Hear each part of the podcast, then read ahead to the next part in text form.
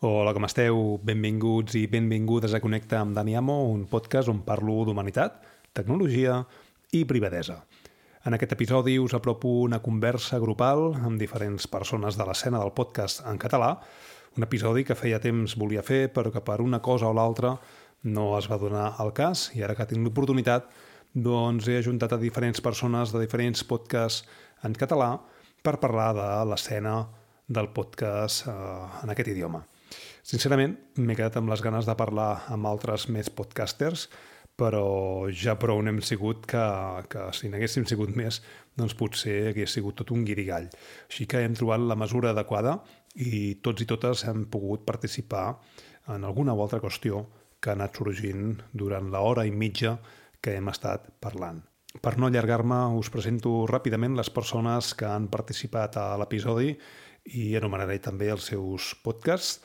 Tot i així, eh, recordar-vos que a les notes del programa hi trobareu els enllaços als diferents podcasts dels participants i d'altres més de l'escena del podcast en català. Antoni Celles és doctor amb tesi relacionada amb el podcasting i autor del llibre La revolució sonora i ha participat doncs, amb aquest background, amb aquest rerefons que té ell de coneixement i fent les, les apreciacions oportunes i molt encertades.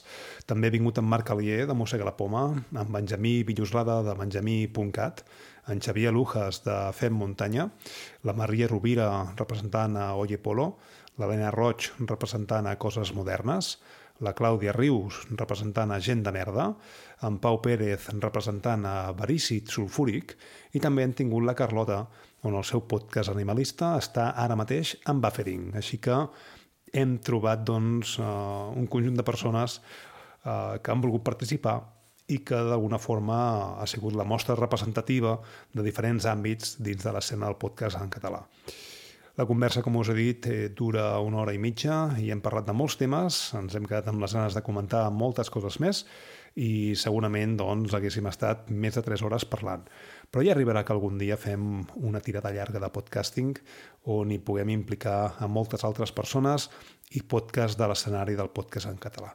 Així que us deixo amb tot aquest equip i amb aquestes persones parlant en català dels seus podcasts i de l'escena del podcast en català.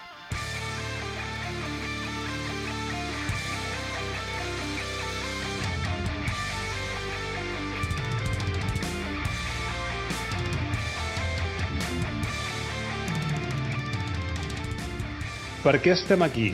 Vale? I per què, per què us he convidat? De fet, m'hagués agradat doncs, que vinguessin moltíssimes persones, vale?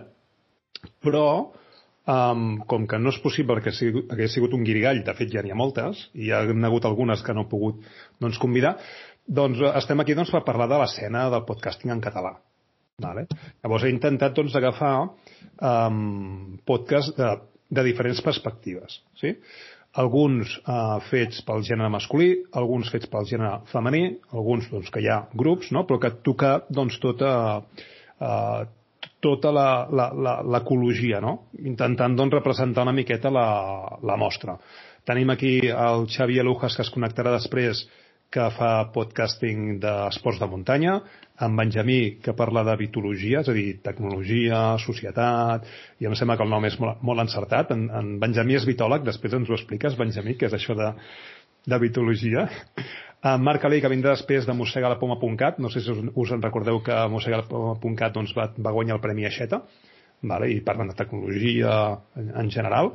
Antoni Celles, ostres, que que és, és doctor i va fer la seva tesi relacionada també amb temes de podcasting, ha escrit el llibre uh, La revolució sonora, no? on explica doncs, tot el tema podcasting i, i és docent universitari com, com jo i en Marc i té una visió, doncs, mira, aquí tant té, ara ve en Xavi, ara entra, té una visió, doncs, mm, bastant interessant, jo penso que ens podem enriquir, Um, I després, doncs clar, Oye Polo amb la Maria representant, Coses Modernes amb l'Helena representant, Gent de Merda amb la Clàudia representant i Verdic Sulfúric amb en Pau representant i la Carlota que està construint i que està, diu aquí, de um, vigilant no? I, i mirant a veure què, què es cou no? per mm -hmm. agafar idees. Se'ns acaba de connectar en, en Xavi, en Xavi Alujas. Ah, bona tarda a tothom. No, no tinc webcam perquè estic a la ràdio ara mateix i aquí en l'ordinador de la ràdio no tinc No tinc webcam. No cal que ho diguis que és de la ràdio, tio. Tens una veu...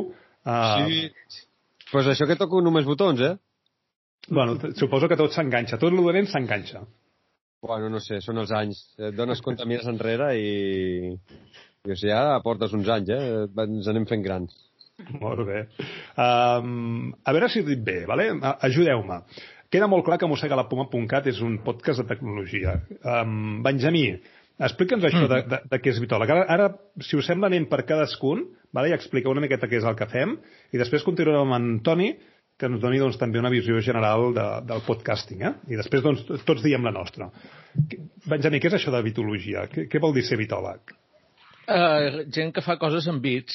El tema és que se'n solia dir informàtica i és molt eixut això d'informàtica. És la contracció d'informació i automàtica. I, i fins i tot no fa gaire encara i, i es comet en aquests moments l'error de parlar d'internet com a de la societat de la informació. Sembla que vagis al quiosc a informar-te. No, internet és molt més és cultura, és art és eh, això que estem fent de, de podcast és, moltes històries que no tenen res a veure amb la idea d'informàtica, de tractament d'informació. I com el bit és una matèria primera molt potent, de fet m'agrada dir que és la més revolucionària, més potent després del foc. De fet, eh, si algú té foc i li passa foc a un altre, tots dos tenen foc. I si jo passo eh, una còpia del meu arxiu, tots dos tenim l'arxiu. Això no passa en gaires coses. Eh, si jo tinc un entrepà i te'l passo a tu, jo em quedo sense entrepà. Però si l'entrepà fos de bits, tots dos tindríem un entrepà, un cadascun. I com passa amb el foc i passa amb els bits. I com amb els bits és molt revolucionari, es poden fer moltes coses, doncs vaig dir, si hi ha geòlegs, hi ha estomatòlegs, perquè no pot haver bitòlegs, no? D'aquí ve la cosa. De fet, amb en Benjamí i, i en Ganyet, i en Ruano, i, i una sèrie, en Marc Alia, de fet, van fer el, el, el mot geopolivitologia, no? És a dir, uníem geologia, eh, geografia, perdó, política i vitologia. Sí, sí, hi ha, clar, totes les derivacions, no? I també em, em prefereixo dir que en comptes d'anar cap a la quarta revolució industrial estem anant del neolític cap al vitolític. Dono pas uh, a la Maria, d'Oye Polo, vale? Uh, a veure si ho dic bé. Parleu d'humor, o parleu amb humor d'una mica de tot, eh, successos de la vostra vida quotidiana i, i realment del que us ve de gust. És així, no? Sí, bàsicament és, fem la repassada del feedback del programa anterior, que com que en fem un cada mes, doncs tenim bastant de, bastant de temps per rebre històries. Uh, després ens preguntem què, ens ha, què ens ha passat aquest mes i a partir d'aquí cadascuna porta un tema que li ve de gust recuperar però per, per pur gaudi, vull dir, pur i absolut, són tonteries, ens de gust comentar-les, i després al final fem els Premis Bertín, que seria una mica el rànquing de machirulisme del mes, i ja està. En veritat reproduïm bastant el que vindria a ser una conversa entre l'Anna i jo. Vull dir, mm -hmm. No, és molt interessant, jo m'ho passo molt bé escoltant-vos. Eh? Ah, veniu també del, del món de la ràdio o no? Sí, l'Anna va treballar a la segona hora durant uns 4 anys, si no m'equivoco, i jo estic a l'estat de Gràcia. Uh -huh. és, és curiós, eh? perquè eh, el que estic veient, no sé si Toni ja estaràs d'acord, eh?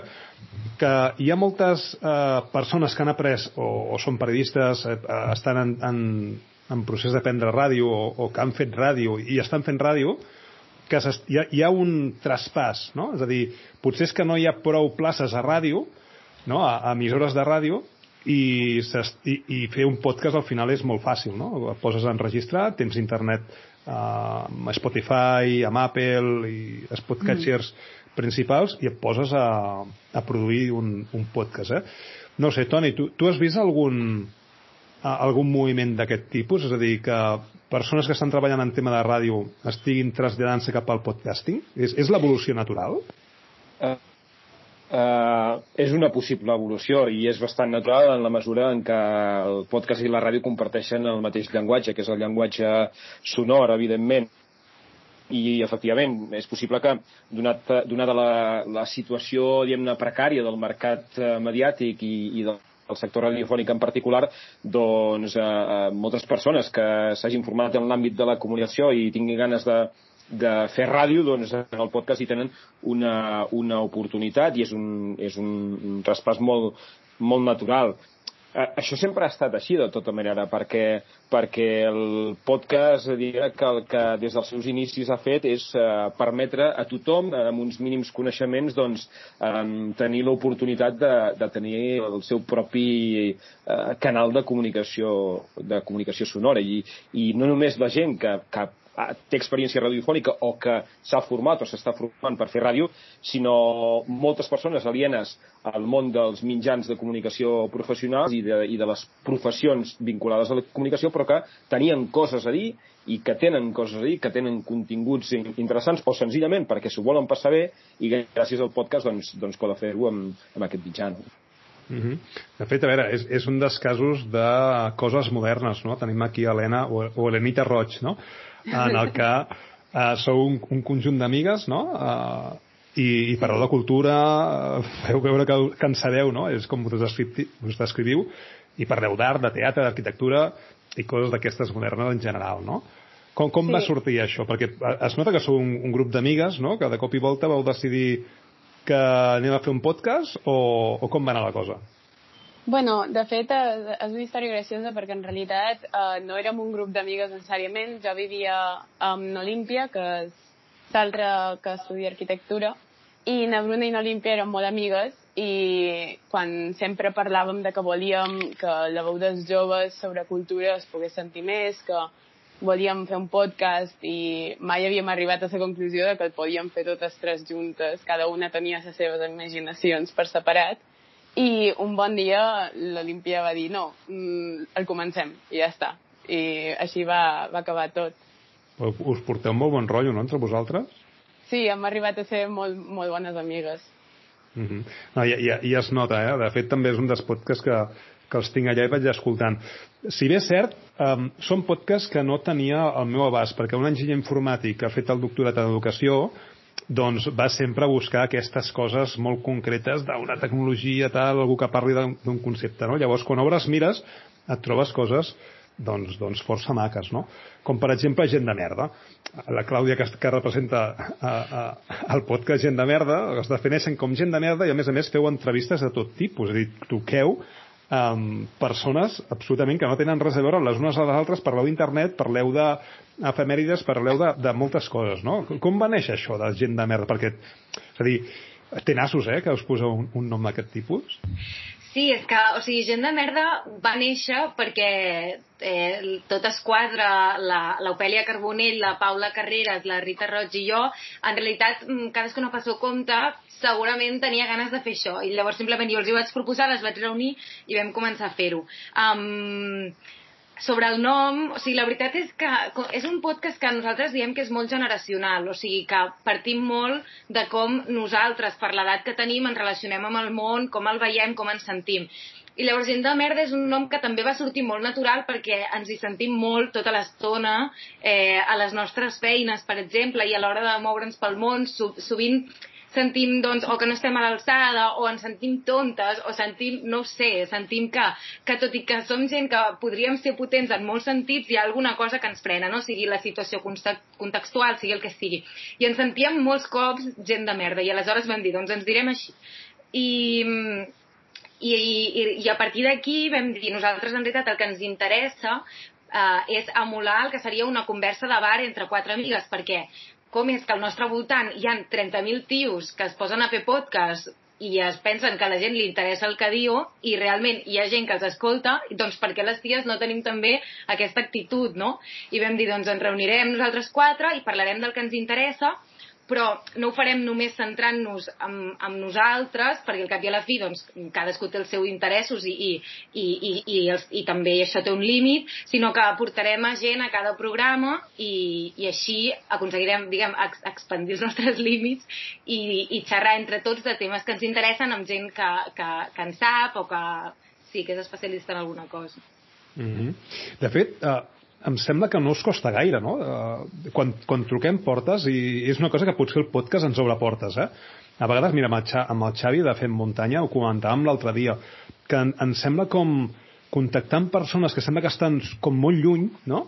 Els envies un correu electrònic o els envies un tuit i, ostres, responen de seguida, no? I a més a més estan molt agraïts de que els hi, els hi facis uh, consultes. No sé si és la, la sensació que teniu vosaltres, eh? però a mi, almenys amb el meu podcast, doncs quan truco portes, ostres, al revés, estan, les persones estan molt disposades a donar veu del que estan fent, o de les experiències que han viscut, o dels projectes que ara estan donant a terme perquè volen fer redifusió. Us passa el mateix? Jo he tingut aquesta sorpresa. La veritat és que ara porto... Demà publiquem el 12è programa, vull dir, som bastant joves eh, eh, en aquest sentit, i inclús, eh, bueno, ja us avanço, demà entrevistem el, el Pau Capell, vull dir que seria, després d'aquí en Jornet, eh, per mi, eh, el, el segon tio més bo ara mateix en carreres de, de muntanya, aquí a, a casa nostra, i, i va ser molt fàcil eh, poder contactar amb ell. Jo pensava que em costaria molt més, hi hauria premsa pel mig, eh, vaig enviar-li directament eh, un, un, bueno, em van passar el, el telèfon un, un company, li vaig enviar un WhatsApp i al moment em va dir endavant, quin dia quedem? I em va posar tota la disponibilitat del món. I també em va passar amb el Tòfol Castanyer que és eh, un tio que porta tota la vida corrents que, que treballa per una de les millors marques de, de, de roba esportiva i, i és un gran esportista i em vaig posar en contacte amb ell a través de la seva pàgina web eh, una nit i al mateixa nit em va contestar el correu electrònic i el dia següent el vaig trucar i vam quedar ràpidament per, per poder parlar a, eh, pel, pel podcast. Vull dir, no sé si és més fàcil o més difícil eh, a l'hora de fer un podcast i no ser una ràdio generalista. No sé si una ràdio generalista és més fàcil o és més difícil. Uh -huh. eh, jo el que em trobo és que és molt més fàcil, almenys, almenys en el meu cas, eh? I quan vaig començar el tema de podcasting, si bé és cert que jo des del 2010 al 2010 vaig començar a fer ràdio, a Ràdio Sant Fost, aquí al, jo sóc de Badalona i la tinc aquí al costat, no? doncs, doncs feia, feia ràdio. I, però, però amateur completament, eh? no tinc cap mena de formació i, i, i, i no tinc la teva veu, Xavi, és que, és, és que és, tens una veu bastant radiofònica com, com moltes de vosaltres que, que, que vaig pensar, ostres, han de fer ràdio d'alguna forma, la Carlota, per exemple, no? I sobretot el, el, el format, no? La Carlota que no té podcast, no? Encara, és a dir, que l'estàs no, construint, no. l'estàs fent buffering, no? Allò que, que diem buffering de uh, enregistro dos o tres episodis i després ja sortiré, no? Sí, el teu va, el sí, teu va sí. d'animals, si no m'equivoco. El meu va sobre animals, um, de fet jo també vinc del, del món de la ràdio i vaig voler fer alguna cosa que realment m'agradi, no? perquè al final potser acabes fent fent informatius, fent diferents programes, però vaig dir, triaré una temàtica que m'agradi, que m'interessi, el món de anim, dels animals en general, la natura, tot això m'interessa molt, i donar veu també aquesta sensibilitat animalista que hi ha. I hi ha molts temes, de fet vaig dir, si parlés d'animals, què faria? Vaig fer un llistat i em van sortir tants temes que vaig dir, doncs endavant, tira per aquí, perquè realment doncs, um, t'agrada i trobaràs, no? I el que tu deies, potser no és tan difícil contactar amb la gent, no m'ha costat gaire. Per exemple, el primer podcast que vaig fer el vaig dedicar a parlar del, del, del gatet del Negrito, que va ser un dels gats que es va dir que havia patit coronavirus, per vincular-ho amb l'actualitat i vaig enviar un correu a l'Irta Cressa, de seguida em van dir que sí, vaig dir, és un podcast que està en projecte. Sí, sí, cap problema, no? I ho vaig poder fer, no? És a dir, que sí que hi ha molt bona predisposició i, i sí que potser s'està notant això, no? que hi ha aquest auge dels podcasts com a, com a mitjà de comunicació gairebé alternatiu no? i que serveix per donar veu a projectes que valen molt la pena. En el meu cas és sobretot fer entrevistes i, i també hi ha una altra motivació, no? que et permet conèixer gent molt xula, gent que té moltes històries o que té moltes coses per explicar i que dones veu i, i ho aprofites. No? I, I és doncs, aquest enriquiment també personal, no? de fer un projecte doncs, molt particular, molt al teu gust, però que saps que potser hi haurà també algú que li interessarà perquè realment estàs descobrint coses interessants per donar a conèixer. Mm. Jo, jo haig de dir, no, no, és per portar, no és per fer el, el portar la contrària, però nosaltres, gent de merda, molts cops hem contactat amb gent que no ha vingut. Crec que el nom no ajuda del podcast, però, però intentem fer una barreja de gent que, que, que ens sembla doncs, que per ser joves ho estan patant molt i alhora de gent que precisament són joves i formen part de disciplines que tenen menys visibilitat o així, i generalment aquesta gent que té menys visibilitat de seguida està super encantada i és super maca, però a la, a la que intentes travessar certa barrera més, no, no, no sé si dir, de, de famós o del que sigui, no tothom et ve i si no, no sé, jo vull que vingui el Quim Monzó i no, no ho estic. Ui, bona sort. tot, no sé, jo crec que té a veure si el, si el podcast és com molt específic, no? Mm. Vull dir, la gent que està vinculada en aquell sector sí que se sent molt, com molt atreta no? a participar i potser gent de merda, com que és això, com que és temàticament és més obert, potser hi haurà gent doncs, que, no, que no es vindrà. Però bueno, jo no, no m'ho prendria com algo personal, que no vingués qui munts. Bueno, hi, ha, hi, ha, hi, ha, hi ha persones que al final, jo el que m'he donat compte és que eh, has de contactar-hi a, a mi també hi ha, hi ha hagut algunes persones que m'han costat, però perquè no he anat en el canal específic on uh, tenen la porta oberta. Hi ha persones que o, o li envies un WhatsApp o no responen, o li envies un tuit o és impossible, o el seu canal de comunicació uh, directe i que, que estan enganxats és el mail, no? Llavors és, és trobar-hi el punt. Um, Deixeu-me que després eh, uh, anem cap al cantó aquest de, de, de la perversió del mot del podcast, perquè em sembla que s'està utilitzant podcast de forma incorrecta, no? sobretot per, pel cantó de la ràdio, de la, de la, de la ona modulada, que tot li diuen podcast, eh? Benjamí, ara sí que se't sent, eh? Ja, ja hem recuperat, a, recuperat en Benjamí. I després eh, vull, vull anar a una recomanació com ha fet el Toni Sella i que justament avui doncs, els he contactat, que és Verdic Sulfúric. Ostres, Um, és, és un Perdó, podcast... Perdona, eh? Verícid sulfúric. Ai, verícid, perdó, perdó. Sí, sí, no, el nom és una merda, ho sabem, no passa res. això, Està bé, no? això no sé de la, meva, de la meva dislèxia, eh? Sí, no, està guai. Verícid sulfúric està, està molt guai. Um, a més a més, sou molt originals. Jo em sembla que darrere, o inicialment hi havia un projecte de teatre, i heu portat a, a aquest projecte de teatre cap al podcast. No sé que, que, quina és la, la mare dels ous, eh? que ve primer, eh? Sí, però... no, l'origen... O sigui, nosaltres, a Verícid Sulfúric fem, fem ficció sonora, que és algo que no, no es fa en lloc, almenys aquí a Espanya. Uh, llavors, bueno, doncs, sí, ve de, el projecte ve d'una de, de, bueno, d'una noia que va tenir la idea, que és l'Anna Ferrer, uh, que ella és la, la creadora del projecte, que ja fa set anys que portem fent, quasi, i, i bueno, en fi, ella doncs, va descobrir el podcast eh, d'Estats Units, diguem, tot el mercat de podcast eh, americà, que allà sí que es fa moltíssima ficció i, i era, bueno, una de les seves frustracions a la vida era que posava la ràdio aquí i això que tant li agradava, que era la radioficció, aquí no existia.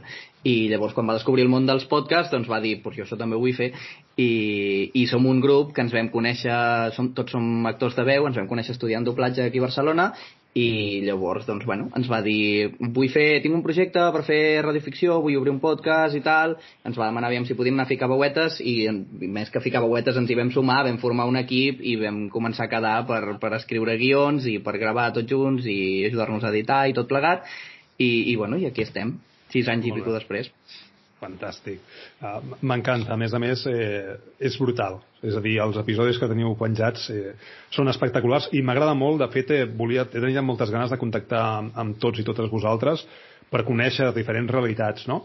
I de fugir, el que anava a comentar ara, eh? de fugir eh, d'aquells programes de ràdio convertits en podcast, no? Per mi el, el, el podcasting és aquell, aquell format que, que no és un programa de ràdio, no? que és molt sincer, que és molt proper, que eh, està doncs, eh, millor o pitjor produït amb el, amb el material que hi hagi. No? Jo mateix ja estic aquí, de fet, he vingut corrents perquè arribava tard, de fet, i m'he posat el micro davant, i, i amb una taula de mescles, un micro i un ordinador, doncs, doncs ja fas, no? Mm. és a dir, però quan escolto i, i, i em provoca no urticària, però dic, hòstia, és que no és això. Com quan escolto algun programa de ràdio que diu, i ens trobareu el mateix programa en el podcast de la pàgina web.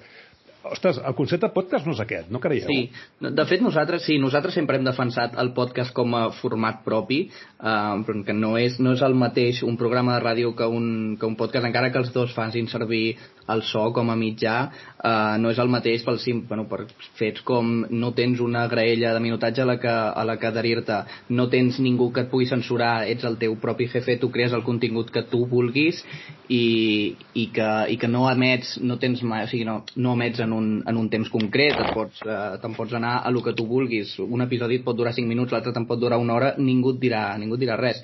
Eh, no sé, coses d'aquestes, vull dir... I el, I el públic tampoc és el mateix, no va destinat al mateix eh, la gent que escolta la ràdio, la gent que està connectada a internet, per descomptat. Eh, llavors, sí, hi ha, hi ha la cosa aquesta dels, dels programes de ràdio que pengen en diferit, eh, en format de podcast a internet, però eh, això, nosaltres som molt defensors de el podcast és un format a part de la ràdio. Sí, sí. Això seria més eh, ràdio a la carta, potser. Mm, sí. Sí, sí, és que... És que podcast potser eh, seria més quan ràdio a un- la carta. És que, que eh, aquí és, aquesta és una qüestió que s'arrossega des dels inicis del podcasting, però bàsicament, um, dient-ho de forma molt sintètica, s'utilitza la paraula podcast per designar realitats molt diferents. I, eh, eh, ràdio la carta, que és la ràdio que tu et descarregues després eh, per escoltar-la quan vols, però que no deixa de ser contingut que s'ha més per antena, i l'altra cosa és digital, que és aquell contingut que pensat, produït i realitzat i distribuït per, per, per, per a ser consumit a demanda i per, per respondre al que jo entenc que és sobretot el podcasting que per mi és una pràctica cultural, no? i per tant amb unes determinades eh, amb uns determinats usos, amb una, amb una mentalitat, amb una aproximació tant des del punt de vista del, del que el crea com de qui l'escolta. I això no vol dir que la ràdio no estigui fent podcast en aquest sentit, perquè quan la ràdio um, comença a dissenyar, pensar i a generar continguts ad hoc, que, que són nadius digitals, això llavors sí que ja, des del meu punt de vista, és un, un, un podcast eh, com, com cal entendre'l, de la mateixa manera que és, com és el, el podcast eh, amateur Toni, se, se t'està tallant... Qui ho fa per amor, que li agrada. Toni, se t'està tallant la veu. Si, si pagues... El... Sí, se't sent, però de, de cop i volta se't se perd. Ja sabem que en el, en el, en el podcast no? allò que es cuida més és l'àudio, no? perquè si no se sent bé és quan la liem. Si, si apagues el, el teu vídeo potser tindràs més ampli de banda o què? Provarem. Vinga. He la cara. Deia, no? Vale. I, i i que la ràdio ja està fent podcast també nadiu i després òbviament tenim el podcasting que esteu fent tots vosaltres que és uh, aquest podcast doncs, uh, pensat i dissenyat i fet ja um, de forma original per, per la cultura diguem així del podcast a internet no? Uh -huh. El que passa que la, la diferència... Perdó, Benjamí, digues. A la ràdio, a la, a la carta, et trobes que el format és el de ràdio, llavors un programa que per la graella no té massa extensió, perquè era interessant, passa, per exemple, amb els capítols de crims de Catalunya Ràdio, que eh, hi ha un segon capítol i te deixen allà que t'has d'esperar unes hores eh, la ràdio la carta, sí, ho pots escoltar el dia que vols i l'hora que vols, però el format continua estant pensant per la grella, van dient, van repetint constantment la història perquè te n'en recordis, no perdis el fil, perquè se suposa que podria passar que entressis al cotxe, que és on escolta molta gent la ràdio, i que llavors haguessis d'agafar el fil perquè si no canviaràs a una altra emissora, si no saps que estan escoltant ho han d'anar repetint, s'ha d'anar repetint el nom dels convidats, s'ha d'anar repetint quin programa és, quina emissora és, moltes coses que amb un podcast no, perquè t'han escollit. I s'han escollit escoltar-te, t'escoltaran, sí, també a la carta, el dia que vulguin i l'hora que vulguin, però ells se faran els capítols. He fet la prova de fer un podcast de dues hores i veus que els primers quatre dies arriba fins al final un 30%. I a mida que va passant, a mesura que va passant el temps, cada vegada la, la, la gràfica va, va pujant fins que tothom sent les dues hores. I, clar, eh, dius, aquí els capítols, la graella se l'han fet a ells, d'acord amb el, amb el seu temps, si era anant i tornant de la feina, si era cuinant, si era aprofitant moments que estaven sols i que podien tenir els auriculars. Així que és, és molt diferent i no, no cal que diguis constantment qui ets, ni qui és el convidat, ni els noms, perquè ho trobaran a l'entrada, si ho miren a la pantalla del, de l'Spotify o, o, o les notes del capítol i si fas una entrada de blog explicant el capítol, allà ho tindran absolutament tot, els enllaços al LinkedIn dels convidats, tot ho pots posar allà, no cal que ho repeteixis. Llavors pots, pots, pots fer que la conversa tingui un altre ritme i una altra manera més, més personal perquè és gent que t'escull. Llavors tot és molt personal. Amb això és diferent a la ràdio. Fins i tot en la capçalera de les ràdios miren molt que destaqui el nom de l'emissora, no tant el de la gent. La gent ho sent, sent Catalunya Ràdio, sent RAC1, sent les emissores i, i mira, la gent que ja ha contratat aquella temporada són els que escolten. Aquí no. Aquí esculls a la persona, mai ni la capçalera ni el... Ni el eh, per això, per exemple, Podium, que ha fet una feinada, doncs no se'n sent parlar tant s'està sentint parlant més de podcasters indis que no pas de la gent de pòdium, perquè sembla que donen més importància al pòdium que no pas a la gent que hi ha allà, i de gent allà n'hi ha de molt bona. És, és, són, per mi que són enfocs molt diferents, els de la ràdio i els del món del, del podcast. De fet, un empresari del món de la ràdio em deia que eh, s'ha destacat molt la casa perquè després els fitxatges se te'n van amb una altra emissora i l'audiència se te'n va amb el fitxatge a l'altra emissora. I per això cada vegada donaven, me, donaven menys importància al, al, al personatge, com anys enrere passava amb els de l'Olmo i, i companyia, i donaven més importància a l'emissora, perquè la gent va de recanvi, va d'un lloc cap a l'altre. Mm. A veure, sentir-vos lliures d'interrompre, de comentar coses, o, de, o, o Skype té aquí una funció que és aixecar la mà Llavors jo ja estic pendent de qui vulgui dir coses, eh? però que, que sigui el vostre espai també. Jo el que sí que m'he donat compte és que els que fem podcasting, els que fem podcast, els fem perquè ens dona la gana. No? És a dir, per, per diferents motius, però motius molt diferents del de la ràdio, no? que el de la ràdio al final, doncs, um, jo no sé, jo, jo el meu podcast, per exemple, connecta amb Daniamo, que és aquest que estem enregistrant, eh? Parlo d'humanitat, parlo de privadesa, parlo de tecnologia, que és el que a mi m'agrada, el que a mi em ve de gust parlar, i contacto amb les persones que realment m'agradaria tenir una conversa. No busco ni, um, ni, ni, ni monetitzar, ni fer-me famós, sinó senzillament és l'excusa per, uh, per mantenir converses interessants. No? En Benjamí, per exemple, té converses molt interessants en el seu podcast eh, que duren dues hores, ja ho ha dit, no? Ostres, eh, qui consumeix això? Doncs resulta que hi ha persones que li interessa, doncs benvingudes siguin, no? Però, per exemple, en el meu cas, eh, ostres, jo ho faig perquè, perquè vull. Xavi, que tens la mà aixecada. No sabia si funcionava, perquè no se'm marca això de levantar la mano i dic, bueno, pues no sé, estic tornant loco apretant el, el botó. No, dic que ara també, a més a més, hi ha moltes emissores que, en, en, entre elles RAC1, i em sembla que també la cadena SER també ho fa, i no sé si Catalunya Ràdio també ho fa, i és posar, a, a part del mate... o sigui, a part de lo que és el que dèiem, la ràdio la carta, també s'està posant un, un contingut paral·lel que no s'ha emès ni s'emetrà, crec, uh, per la ràdio, i és la, fer podcasts eh, independents de temàtiques diferents. Uh, crec que TV3 també ho està fent a la tele, amb el, per, amb, per exemple, amb el Brico Heroes també ho està fent, de posar un contingut a part, que de moment no s'emetrà no per TV3, i també eh, i ho podeu trobar per, a través de YouTube o a través d'Instagram. Vull dir que també les pròpies emissores comercials estan donant compte que a part del, del material, o sigui, a part del contingut que es fa durant 24 hores al dia a qualsevol emissora comercial, també hi ha un, una quantitat de, de gent, un públic, que no escolta tant la ràdio convencional quan està al cotxe o quan està treballant o simplement quan, quan eh, fem esport i escoltem continguts que, eh, que ens interessen ja siguin d'esport, de, de, ja sigui doncs, d'humor, ja siguin eh, converses o qualsevol altre tema.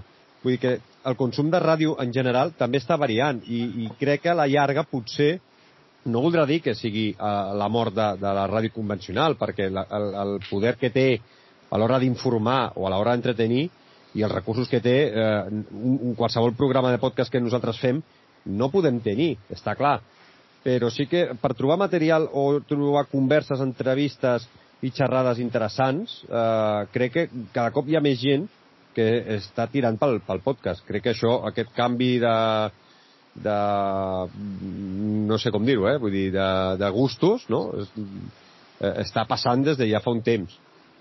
Mm -hmm. Helena, digues. No, bé, jo volia dir que crec que en el nostre cas i, i conec molts altres podcasts joves que tenen el mateix problema o, o han trobat la mateixa solució en un podcast, que és que te dona una veu que tu esculls quan la vols emetre i quan la vols donar. Per tant, clar, una altra cosa és la ràdio, tu tens uns temps, però també tens uns dies, unes hores, és, és una feina més estable en el sentit de que has d'anar i, i ho has de fer. En canvi, nosaltres, com encara estem estudiant o tenim altres coses i altres projectes en marxa, pues, t'adaptes i t'adaptes a com pots i, i com vols que la teva veu es senti. Carlota, sí, a veure, és, és, disculpa abans, Carlota, a mi, per mi és un gustàs enregistrar, per exemple, avui, perquè hi ha Fundació.cat darrere, demà doncs uh, ho, ho enviarem, no?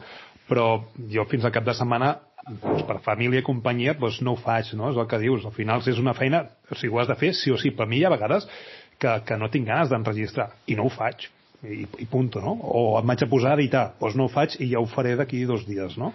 Carlota, no sé com no, ho veus clar, això. Que que tens aquesta llibertat. No, jo el que volia comentar, l'altre dia va tenir lloc al, al MAC, al Mercat Audiovisual de Catalunya, i precisament es va parlar molt dels podcasts i des de Reuters Institute, el cap de comunicació d'aquest institut, Eduardo Suárez, va comentar que aquí a Espanya el 40% de, de, de la gent aquest últim any havia escoltat podcasts i va donar algunes dades molt, molt interessants, com per exemple que de 18 a 24 anys és quan més la gent escolta els podcasts, que precisament és la franja d'edat que menys gent escolta la ràdio. Per tant, aquí és el que anàvem a dir, no? aquest canvi de gustos, aquest canvi de, de, de consumir a, a aquest producte i de fet aquí els que ens trobem, jo diria que tots som joves, no, no sé si som d'aquesta generació doncs, que, que es connecta més a internet, que tria més allò que vol escoltar i que no se'n passa tant allò que els mitjans li ofereixen, no? sinó que té aquesta actitud més de dir jo vaig escoltar el que a mi m'interessa. No? I és realment, crida molt l'atenció, no? i el que apuntàveu, no? que també ja els mitjans també ho estan veient no? i també estan generant aquest contingut de podcast ja directament. Mm -hmm. Clàudia, com veia? No, no, sí, endavant. O, o Benjamí, vull dir, no, no sé, només eh, vull dir... un incís. No fa gaire, si ho cerqueu, la directora del New York Times va dir que en el New York Times el vídeo no ha tingut gaire èxit, que el podcast està tinguent i que li donaran molta més prioritat en el podcast que en el vídeo, en el New York Times. Era només un, un segon. És que a més el fenomen podcast aquí arriba molt més tard. Als Estats Units ja fa uns anys que, que va i, i que té un èxit espaterrant. Um, uh, sobre, sobre el que deies... Ai, ara se me n'haurà anat el cap el que volia dir. Uh... Tenim en Pau, que pot substituir mentre penses, eh, i recordes. Sí. Sí, bueno, no, no, res, jo també anava per aquest camí, perquè ara que has dit això dels Estats Units, Ah, o sigui, realment allà... Fa... Digues, digues, doncs digues. No, bàsicament que sobretot aquest debat a mi el que m'estranya és que la ràdio, etc um, no hagi buscat abans nous formats, o sigui, òbviament estem en un món en el qual és, és aquest, el, aquesta franja que deia la Carlota de 18-24 està acostumada a consumir coses a la carta, eh, sí que pots obrir la ràdio i escoltar el que hi hagi, però ja no és una cosa tan normal, llavors a mi em sembla natural que a les ràdios vagin creant podcasts, coses extres, em sembla molt bé, la, la batalla que, aquesta entre què és podcast i què no ho és, no sé, no, no hi entro gaire perquè, per exemple, nosaltres tenim guió, no sé els vostres podcasts si teniu guió, eh, però, però sí que hi ha com unes bases eh, per nosaltres, que sí que són molt de ràdio, segurament perquè una de les integrants de, de Gent de Merda, que és la Paula Carreras, treballa a Catalunya Ràdio i, en, i, ens, i ella ha posat aquesta base, no? Però, però sí que em sembla interessant sobretot el, el, el fet aquest de, de que s'hagi normalitzat tant eh, els formats podcast i de que hagin arribat a la gent jove, a mi em sembla molt important també a l'hora de... Bueno, no, jo sempre parlo, quasi sempre parlo de lo mateix, però que s'hagin fet podcast en, en català, per exemple, em sembla important perquè hi ha tota una franja de gent d'entre els 18 i els 24 anys que si no escoltes la ràdio i a més no tens podcast en la teva llengua exactament què fas, quin, quins són els tipus de programes que t'arriben, que t'agraden i que ho fas i en quina llengua hi són llavors a mi em sembla molt important i m'agrada molt cada cop que veig que van sortint podcast en, en català Mm -hmm. Clar, a, veure, a, a mi m'agrada molt eh, que hi hagi podcasting en català i, i m'agradaria que hi hagués molt més i ja estic descobrint podcasts eh, mo- molt bèsties eh? abans d'entrar amb el, amb el donar-li veu al Xavi de, de relacionar el Toni amb el Ludo o amb Marc Alia que acaba de- d'entrar hola Marc Hola. Deixa'm, deixa'm que en Pau en, ens expliqui perquè uh, Marc, la Clàudia ens deia que, si, que no, no sap si tenim guió o no tenim guió. Jo, per exemple, en el meu podcast no tinc guió, tinc un tema i arreando. Però clar, en Pau, que són tanta gent darrere i que s'ha de sanificar, jo entenc que us heu de quadrar dia, hora, moment, com ho feu, a, elaborar-ho, no? Uh, bueno, en realitat no. eh? O sigui, guió en tenim... No, no, guió el tenim. Òbviament, nosaltres fem ficció, està tot, és, és, està tot eh, escrit per guió, després hi ha moltíssima feina d'edició, però no estem, lo de que, no, vull dir, no estem tots els actors allà, ni molt menys. Vull dir, tenim un sol micro, passa tothom un per un pel micròfon dient les seves rèpliques i tal, i repetint-ho totes les vegades que faci falta, i llavors a l'hora d'editar ajuntem les pistes i, i, ho, i ho fabriquem i afegim efectes sonors i música i fem, creiem, creem tota l'ambientació sonora amb això uh, però sí, sí, no, realment. No ens, no ens trobem tots per fer, per fer el podcast, sí que som sempre els dos o tres que som que més d'actors doncs som els que hem escrit el guió i llavors també dirigim els actors i tal. Uh, però els, els actors que són purament actors van passant un per un dies diferents inclús, fem tota una setmana de gravació i van passant la gent i llavors ja s'edita Fantàstic, Marc. Uau, en, en, això és un altre Pau, nivell. Sí, sí, no, no, està en un nivell molt espectacular. De fet, es, es compara a nivell eh, americà el, el podcast de Malcolm, Malcolm Gladwell, no? que fa aquestes escenificacions, doncs Sí. ells ho fan, és fantàstic. Es diuen Verícid Sulfúric, busca'ls. Verícid sulfúric. Sí, estem, estem molt inspirats en, en podcasts americans com Welcome to Night Vale o uh, The Thrilling Adventure i coses així. També és molt divertit veure'ls en directe, eh? que jo els vaig portar a la Universitat de Vic. sí, és veritat. Sí, sí, hem fet, hem fet coses en directe i estem super, super contentes d'haver-ho pogut fer. Vull dir, estem fet podcast de ficció sonora en directe amb universitats i amb teatres que hem fet i amb festivals de teatre de, de, de puestos i tal. És, és molt, molt guai. Plan, Molt bé. Tirant els Ah. efectes sonors en directe i actuant tots junts allà, és super divertit. Això és molt guai. Les experiències que ens emportem són molt màgiques. Uh, Dir-vos que uh, tenim la mà aixecada, vale? però si veieu que se'ns passa la passa, escolta'm, interrompiu a sac i, i, i ja està. Eh? Um, Deixeu-me que, que presenti en Marc Alier, que és eh, component de Mossega la Poma, uh, podcast doncs, de tecnologia, que també doncs, van entrevistar també el Toni, en, el, en el seu dia, en el 2017, si no ja fa m'equivoco. uns anys, eh, d'això, Marc? Fa uns anys, la primera vegada eh, potser el 2008 o el 2009. Sí, sí, sí, pot ser, pot ser. Llavors encara estava fent la investigació doctoral sobre el tema i era molt als inicis i, i vosa... jo estava estudiant el tema i vosaltres ja hi éreu, éreu dels pioners.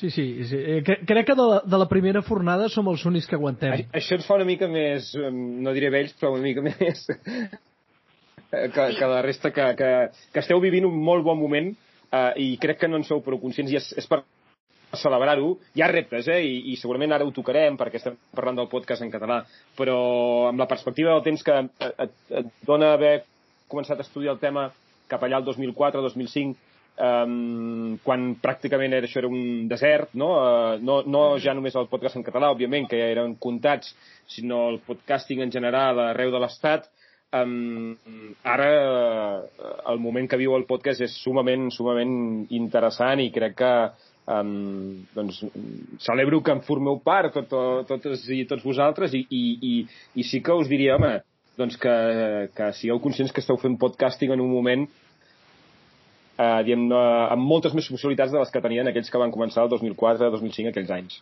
I això és molt xulo.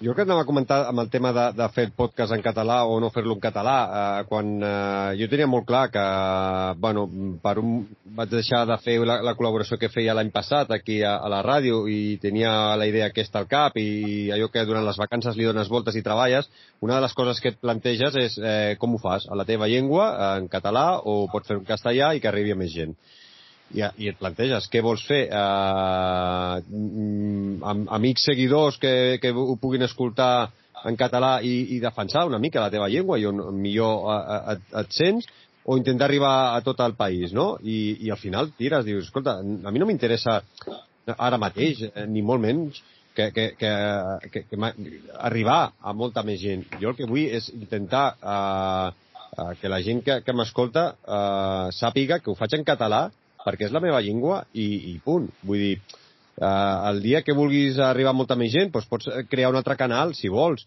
perquè tenim aquesta llibertat de poder tenir els canals de, de podcast que vulguem.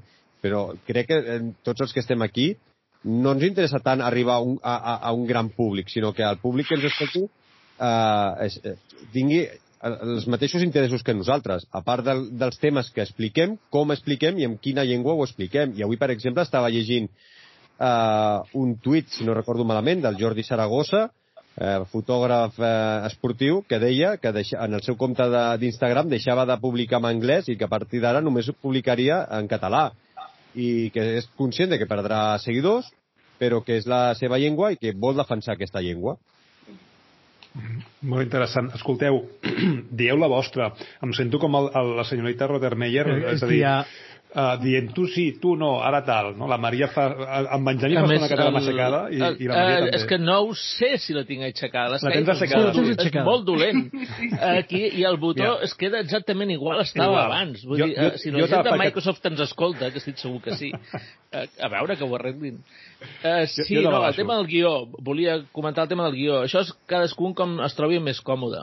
És una qüestió de eh, ha, ha hagut temporades de, de ràdio, que feia ràdio amb un personatge que es deia el capità Gonella, i havien de fer guió, i el fèiem junts allà amb el Google Drive, anàvem tecletjant i anàvem escrivint una sota l'altra un, eh, el, que anava, el, que, el que aniria contestant, i anàvem editant en, en conjunt i fent xat. Eh, era imprescindible per aquell cas. Un, per dir un programa que pot escoltar tothom, la competència sense guió és molt difícil de fer. En canvi, una conversa de dues hores amb algú és que per fer el guió és quasi escriure un llibre. Sí, també t'he dit que quan he dit, eh, sí, quan he dit guió, si hi ha gent de merda, tenim un guió que és més aviat temàtic, eh? I perquè tenim unes seccions i tal, però no tenim escrites allò, pregunta-resposta, pregunta-resposta.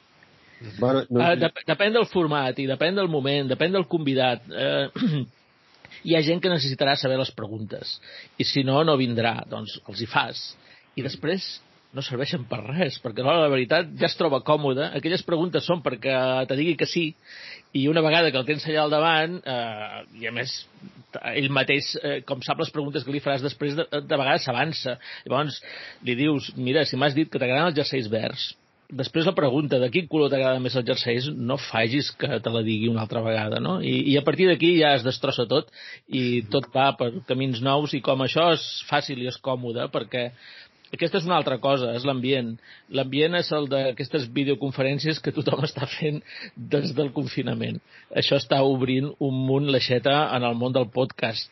I quan eh, poses el coquet a la gent del podcast, gent que saps que té reunions interessants i els dius tu, la teva empresa, la teva feina, segurament moltes reunions que tens de treball amb gent, col·laboradors teus, si poses el xip de que això podria ser un podcast, possiblement moltes vegades quan pengis t'hauràs dit tant de bo ho hagués gravat perquè d'aquesta conversa, d'aquesta reunió hauríem fet un podcast.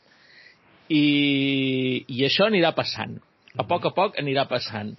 Perquè segurament li perdrem el respecte en el fet de, de publicar i si són temes interessants perquè és la teva empresa, són els teus projectes i justament estàs parlant d'un projecte interessant amb algú, si després d'haver tingut una bona reunió dius anem a posar el gravar i fem 15 minuts parlant d'això, per què no?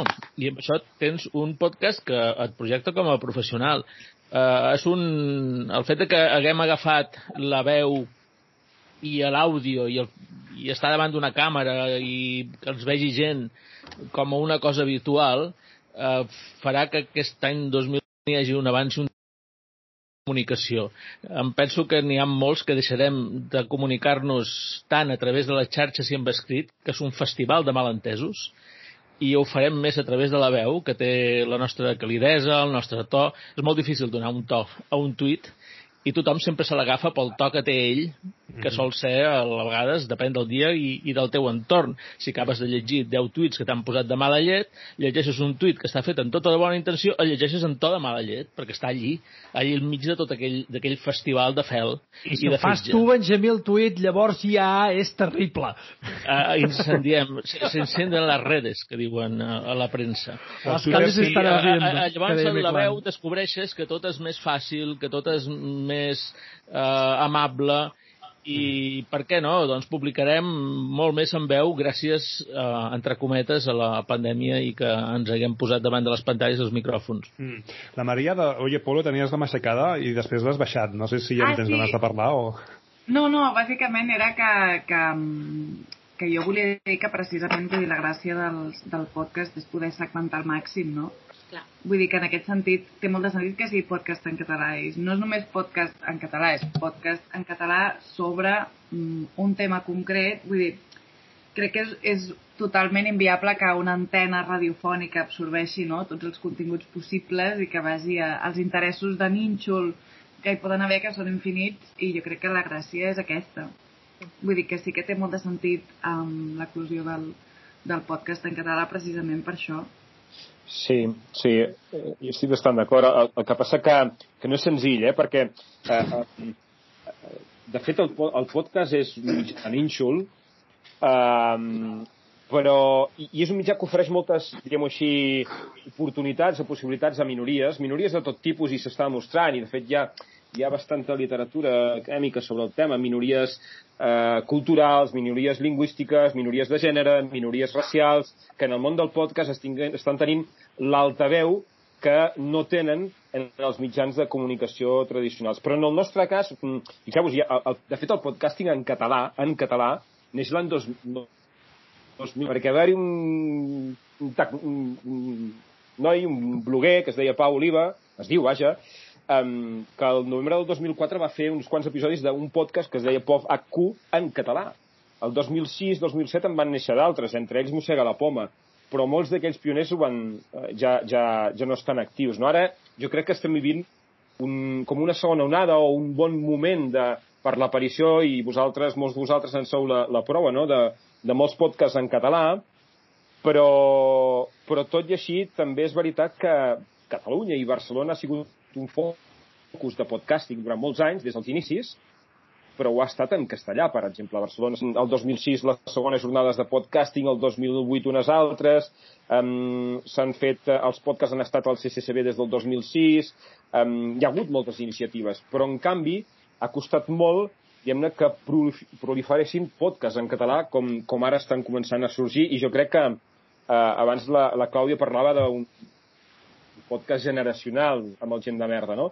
Eh, I crec que, que en bona part que, que el podcast en català vagi a l'alça i de forma natural eh, està en bona part en mans de, de vosaltres, d'aquestes generacions, i, però que encara, en certa manera, vaja, corregiu-me si m'equivoco, però tinc la impressió que cal un exercici d'una certa militància. Eh, eh, eh, com deia la Maria, sí que és natural fer un podcast de nínxol i en la nostra llengua, però, però és fàcil anar-se'n a, a diguéssim, o és temptador anar-se'n a, a d'altres per buscar, diguem-ne, altres tipus de distribucions, circuits d'audiències. Um, no sé, jo encara tinc la sensació que per fer podcasting sí. en català cal certa, certa militància o certa consciència cultural en aquest sentit. Eh? Sí, deixeu-me donar pas només al Xavi de fer muntanya, que se n'ha d'anar uh, allà i tenia la mà aixecada. No sé si volies dir alguna cosa abans de marxar, Xavi. Bueno, de, de fet és que estic molt content de poder haver eh, coincidit eh, amb tots vosaltres eh, perquè la xerrada és super interessant i, i de ben segur que em perdré grans reflexions a partir d'ara, així que, bueno, com que estem en, en un programa de podcast, doncs eh, quan estigui això penjat, que el Dani ho pengi, doncs eh, ho, ho escoltaré tot el que m'he perdut a l'inici i tot el que em perdré a partir d'ara. Eh, simplement el que, eh, refirmo el que, el que deia, no? el que deia ara el Toni, eh, que, que, quan tu crees el, el, el programa acabes triant en quina llengua vols fer, com si també vols fer un anglès i arribar a encara molta més gent. Uh, acabes... Uh, fa molts anys eh, les pel·lícules eh, no arribaven al cine en català, eh, fa molts anys eh, doncs, eh, no teníem TV3 i fèiem la programació en català, fa molts anys eh, era difícil tenir llibres en català, eh, llibres anglesos o, o, o castellans eh, doblats en català, o, escriptors que volguessin escriure en català. Jo crec que estem a un moment eh, doncs, de normalització, que no busques eh, el, el, un, un públic eh, que poguessis arribar a 40 o 50 milions de persones, sí que intentes arribar a un públic doncs, eh, de 7 milions i mig, que som els que som a Catalunya i acabes doncs, eh, triant la, el, que, el tema que tu domines i ho expliques amb, amb la, tota la llibertat que, evidentment, el que dèiem, eh, en una emissora convencional eh, no podries fer-ho perquè t'obligarien a fer-ho en català o t'obligarien a fer-ho en castellà i aquí podem fer-ho, tenim tota la llibertat de fer-ho amb, la, amb la nostra llengua. Sobre la, la llengua, eh, Dani, no te sentim o sóc jo el que estic fora de l'Antona? No, sóc jo que tenia el micro apagat, que sempre em passa el mateix. Ah, li, li donava la classe llengua... al Xavi i, i, en, i ens sentim la propera. Jo també tinc la mà aixecada. Sí, t'estava escrivint Marc per, per, per el Telegram, ah. escolta'm, la, la mà aixecada ens la passem pel foro, no potser? Ah, vale, doncs llavors, doncs llavors, eh, Benjamí, calla, que jo vull parlar una mica. Uh, el Maria veure... també volia dir alguna cosa, eh? Però no havia aixecat eh? la mà i la passem pel forro. Ara tinc el micro jo. Uh, Mira, per... jo ja estic, eh? Tu ja estàs, Maria. Vale. Sí, uh, no patiu per mi. A veure, eh, doncs jo, jo només diu uh, unes quantes coses. La primera sobre el tema del guió. Dir, nosaltres a Mossega la Poma vam començar i sempre hem tingut la conya del guió, perquè el meu company en Tomàs sempre és de, és porta, porta un guió i li agrada saber de què parlarem i jo sóc el que jo sóc el que no segueix el guió. Primer perquè originalment jo quan vaig començar era incapaç de llegir de forma natural un guió. Ara, ara ja n'he après, després de 14 anys un acaba aprenent, però al principi era incapaç de fer-ho, no em sortia sortia natural, em sortia una veu impostada i em costava molt. Però també és veritat que l'interessant és tenir un guió per poder-se'n sortir. Eh, de, i, i, i poder, allò que deia el Benjamí, dius, bueno, potser necessites això. El que passa de vegades també, com m'ha passat a mi amb una episòdia fa poc, que trobes una persona que o tens una bateria de preguntes preparades, sí. o escolta, no treus un podcast d'allà, i, i costa molt. Després el tema de, el tema de l'idioma, i en aquest cas és dir, fer el, el podcast en català o fer el podcast en castellà, la meva resposta és sí, uh, perquè sí, el castellà i sí el, el, el català. Jo tinc això, tinc com unes 250 hores publicades en castellà i, i, unes, i unes 600 publicades en català uh, i, i ja està. El que passa és que evidentment, l'idioma determina qui t'escolta, eh, però també determina amb qui pots parlar. I de vegades hi ha projectes amb el que necessites, vols parlar amb gent que, que parlarà en castellà i llavors dius, doncs, per què ampliar ampliar aquesta audiència. També quan dissenyes el programa és interessant, per exemple, a Mossega la Poma vam prendre la decisió que hi havia l'element d'actualitat i l'element d'actualitat et determina que la teva audiència, aquest programa només s'escoltarà durant un temps determinat. O sigui, si parlo de que aquesta setmana doncs, Apple ha tret uns xips nous, doncs això d'aquí dos mesos no serà interessant i que aquests programes ja no s'escoltaran. En canvi, hi ha altres programes que, que, fa, que, que faig precisament en castellà, doncs aquests doncs, són continguts doncs, que et pots escoltar. El, avui he rebut un correu d'un senyor que em diu t'he escrit des del passat perquè va 60 episodis atrasat. Cap problema. Mm aquestes coses. I després hi ha un altre tema, que és, eh, sobretot els que esteu començant ara, a mi m'agradaria poder parlar amb vosaltres d'aquí 14 anys, eh, que continueu, i, i llavors, clar, al final un reflexiona, eh, perquè al final diu, calés no en guanyareu. Punt. Vale? O sigui, no n'hi no ha, no hi ha de calés. I menys en, en català. Has de tenir molta sort o muntar-t'ho molt bé o saber fer alguna màgia que jo no sé fer. Calés no, no en faràs. Potser et podràs pagar un micròfon o alguna cosa, però però el que sí que és veritat és llavors el, la pregunta clau és per què ho fas? Quin és el motiu que et porta a fer el podcasting? Per què aquí us, aquests que esteu fent aquesta cosa de, de, del d'allò sulfúric, quin és el motiu per fer tota aquesta feina? Doncs perquè no podeu deixar-ho de fer. Mm. No deixar Hi ha alguna cosa que t'impulsa a fer aquest tipus de coses. A mi m'agrada, per exemple, mantenir converses amb gent, explicar-los coses, perquè jo explicant coses mantenc a mi mateix i coses que jo tinc al cap que, que tenen tot el sentit del món a dintre del meu cap i que quan les expliques no ho tenen i algú que et pugui rebatre i m'ajuda a créixer com a persona i poder contactar amb altres persones que et donin un feedback i t'expliquin altres coses. Tots hem de trobar aquest motiu per cada setmana vos reservar aquest tros de temps, aquest espai per dir a la família, escolta, que pujo a dalt, que, que tinc un podcast i, i, i dir, bueno, i pujaré i que ho saben que és important per tu. Sí, sí, al final... Bueno, sí, perdó, perdó. Sí, sí, no, no, res.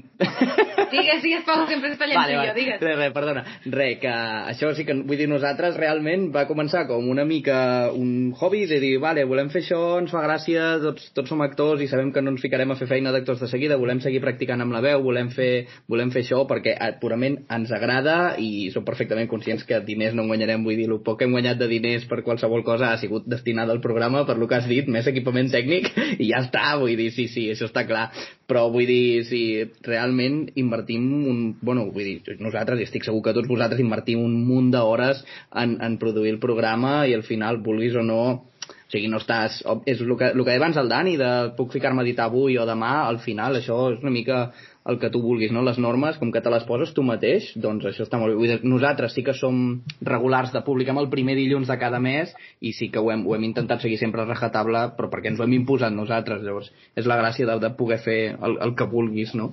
I és, una, i és un instrument d'aprenentatge fantàstic. Sí, uh, amb, sí, amb, el, sí, sí. amb el podcasting aprens edició d'àudio, edició de vídeo, publicació web, màrqueting, comunicació, el tema específic el que facis, jo organització... haig de, dir, haig de dir que a mi em dieu ara que jo estaré fent podcast d'aquí 14 anys i m'agafa un atac d'ansietat perquè és impossible que jo sàpiga què faré, on estaré d'aquí un any, encara menys d'aquí 14 anys, però ja no només per la situació, per ser jove, per no ser jove, no, no, sinó perquè el context actual en el que vivim molt joves, també laboral, sí. ens és impossible pensar d'aquí 14 anys projectar o el que sigui. A mi em sembla, de veritat, el de mossegar la poma em sembla que us hauríem d'aplaudir tots cada dia i de veritat que jo quan, quan, quan vaig començar a fer podcast, o, o abans de començar a fer jo un podcast, quan m'interessava perquè jo sóc periodista i escric en un mitjà cultural, eh, veia que realment Mossega la Poma era el, el, el tòtem del, del, dels podcasts no, de Catalunya, perquè feia molts anys que ho fèieu crec que la majoria de gent jove que ho fem no ens plantegem gens la dimensió temporal, o sigui, crec que ho fem ara i aquí perquè ens ve de gust, perquè ens ho passem bé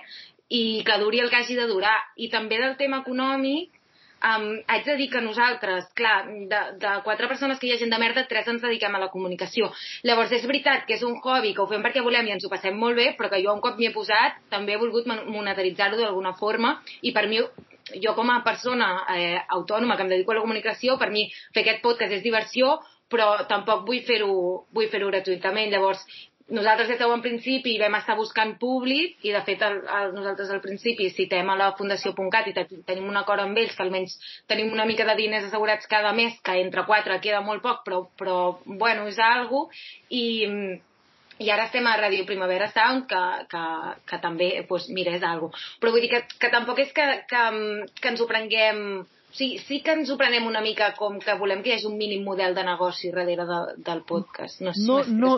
Uh, perdona una cosa, hi ha una, uh, una d'aquestes cites, no me'n recordo qui és qui ho diu, em sembla que és una cosa que s'atribueix a, a cinc o sis persones diferents, allò que, que em sembla que és una llei, l'altre dia en Benjamin parlava uh, a Twitter, uh, aquella que subestimem el que podem fer en un any, dic, o sobreestimem el que podem fer en un any i subestimem el que, el que, pas, el que farem en 10 anys.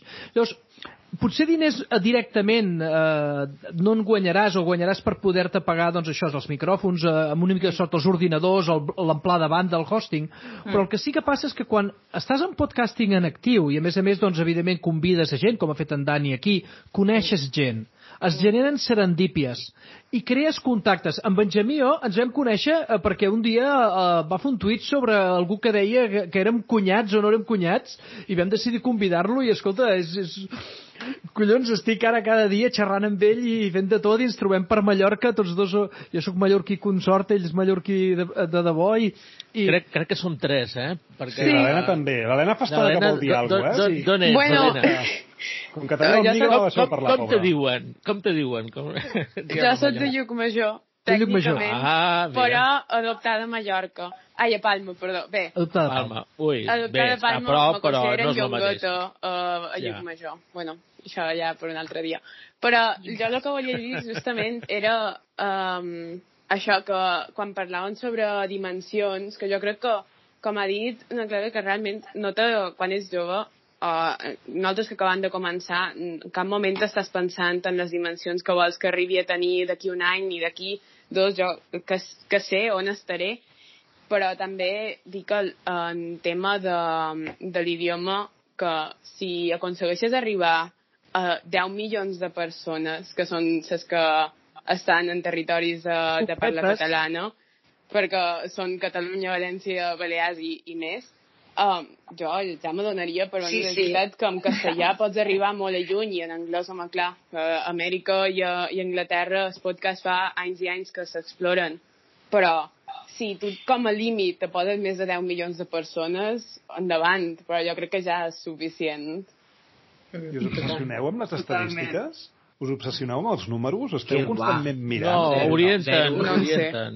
A nosaltres ens preocupa molt per la, per la persona que ha vingut, perquè de vegades hi ha gent molt mona que ve al programa, que no sé per què després la gent no se l'escolta, i sap greu, perquè sobretot nosaltres que també passem al programa, o sigui, això no sé, ta- també és una cosa de parlar-ho, que nosaltres vam començar fent el podcast només àudio i al final ara també el fem en vídeo i també es pot veure a YouTube, perquè vam veure que a la gent també li agradava, arran del confinament, de gravar-nos a través de Zoom i penjar un vídeo, eh, al final hem seguit fent un vídeo i a la gent li agrada. Llavors allà es veu molt clarament les visites i de vegades sap greu quan, quan algú s'ha pres la molèstia de venir al teu programet i, i que si es compara doncs no tindrà tantes visites. Bueno, no sé, és la vida, no passa res, però... Però també hi ha la qualitat de l'audiència, eh?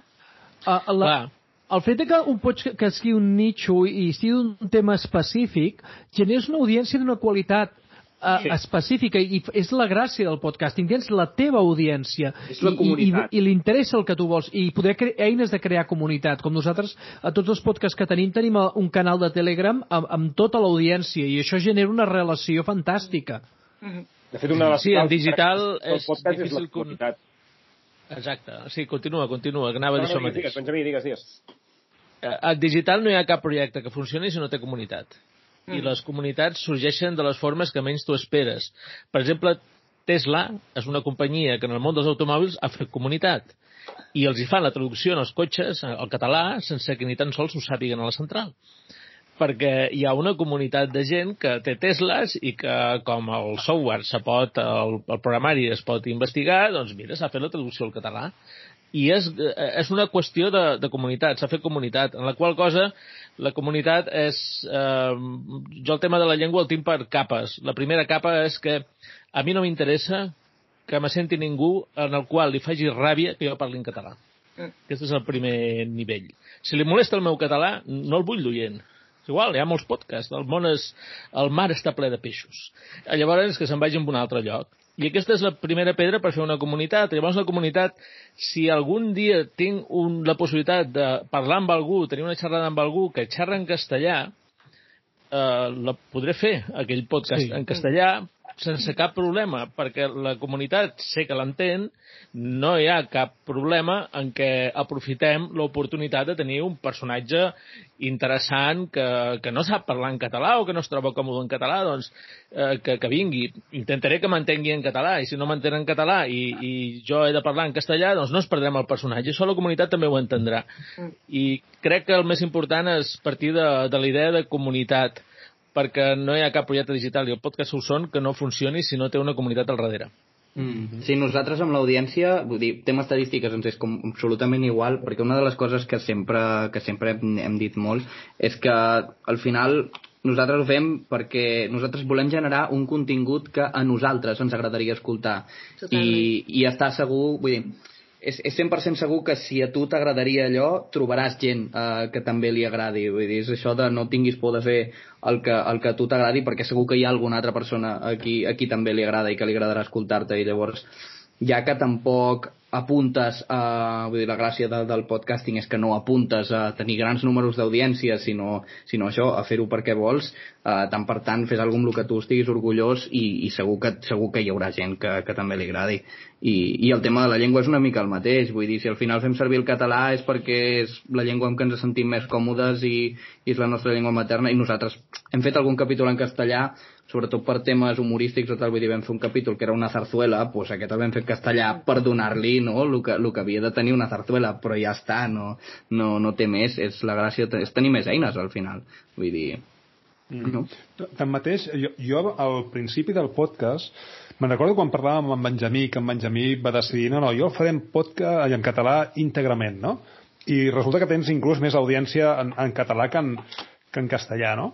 I va, no? vaig començar perquè com coneixia gent de, de les dues llengües que crec que eren interessants i depenent del tema mmm, depèn, vaig pensar que el faria mixt i que començaria amb, amb les, eh, vaig començar en castellà eh, després vaig fer algun capítol en català cada vegada més en català, en castellà i les estadístiques, com deia abans, no han d'obsessionar, sinó que serveixen per orientar, i vaig veure que sempre m'escoltaven el mateix parell de dotzenes de persones, fos amb l'idioma que fos, des de llocs de, eh, de parlar en castellà, per exemple, des de Madrid. Doncs sempre hi havia els mateixos 18 i dius, doncs, per cas de perdre el temps fet-ho en uh, castellà, amb... en gent amb la qual tu te podries comunicar perfectament en català, simplement perquè t'ho senti tres o quatre persones més de Madrid o de, de Burgos o de Valladolid que ni et van ni en venen, perquè al final qui et trobaràs és la gent que hi ha al teu voltant i la teva comunitat. No, no tenia sentit, i ho he anat canviant. I, i per això no vol dir que si apareix algun,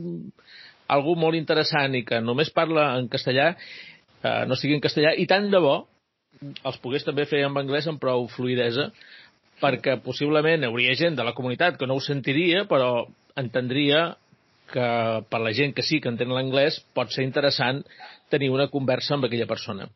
Em perdonareu, però he de marxar a explicar un conte, perquè aquesta hora és el que tinc que fer. I el... De fet, és un conte que està escrit en castellà i faig traducció simultània i intento... Aquesta és, és la meva arma secreta per aprendre a llegir guions. Tindré que llegir molts contes als nanos. Escolta, Dani, felicitats pel podcast i encantat de veure-us a tots. I, Igualment, i, us i felicitats a tu. Igualment. Us, busca, us buscaré i us escoltaré una micona. D'acord. Molt bé, que vagi molt bé. Encantat. Ja era Marc. Toni, volies dir alguna cosa? O Pau? Uh, no, se m'ha anat el selfie. Que... Vale. Home, a, a mi ara que dius de videopodcast, Clàudia, jo, jo em miro moltíssim, sobretot quan estic rentant els plats. A mi, abans no m'agradava rentar els plats, ara m'encanta perquè a més a més és un pacte que tinc amb la família. Estic a la cuina, no em molestis, és a dir, o estic escombrant i els dic, estic desconnectat de la vida, ho sento molt, és a dir, tinc els meus auriculars, el, el meu uh, videopodcast o el meu podcast senzillament, eh? on escolto vosaltres i escolto a molts altres. I per mi, eh, no sé quina, quin plantejament teníeu de, de podcast, eh? En, en quant a, a, a durada, per mi, quanta més durada tingui, més disfruto, perquè al final els 30, com els 30 primers minuts són com freds. I fins sí. al minut... No? Us passa el mateix? Depèn. Sí, nosaltres, gent de merda dura mitja hora i, i és una batalla que tenim i que no volem canviar i que, perquè mm, perquè nosaltres tenim molt clar que, bueno, que la gent aquí volíem arribar o, o, o nosaltres mateixes eh, escoltem les coses doncs, ràpidament. I escoltem coses curtetes. I quan una cosa se'ns fa molt llarga doncs de seguida se'ns fa llarga. I llavors nosaltres volíem fer-ho mitja hora perquè així també pensàvem que, mm, una mica que sempre et deixaríem les ganes de més, que si el programa era divertit i durava mitja hora, segur que voldries escoltar el següent. I això, doncs, eh, teníem ganes de fer-ho.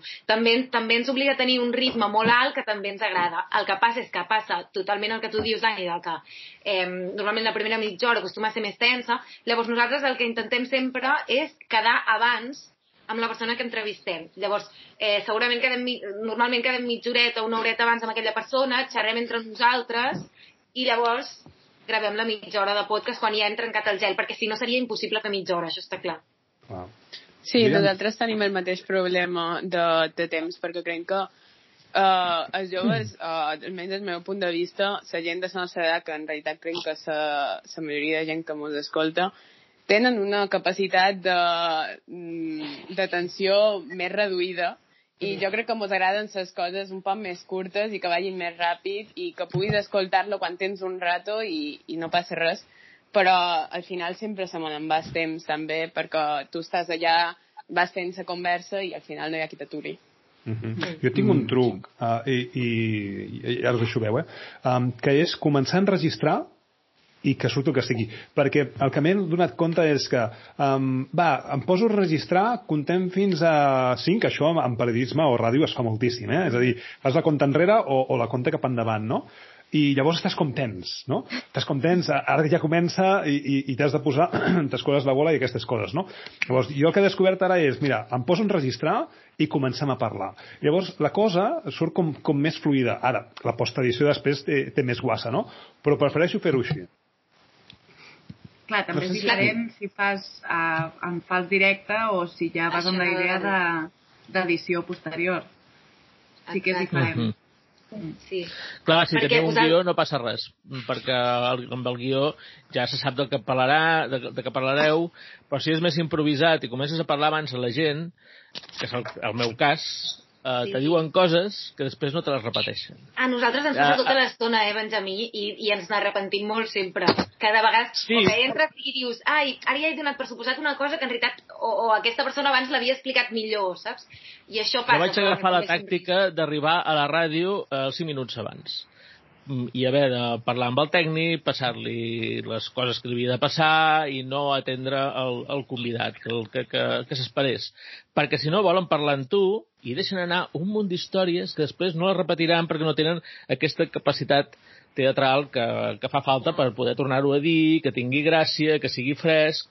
I em van explicar que el, a l'Arús, a la ràdio, s'amagava i el que feia era que els seus productors, perquè tenia un equip, eh, rebessin amb el convidat, xerressin amb, amb el convidat de moltes coses, els seus productors prenien nota de les coses interessants i després li passaven a través d'un xat.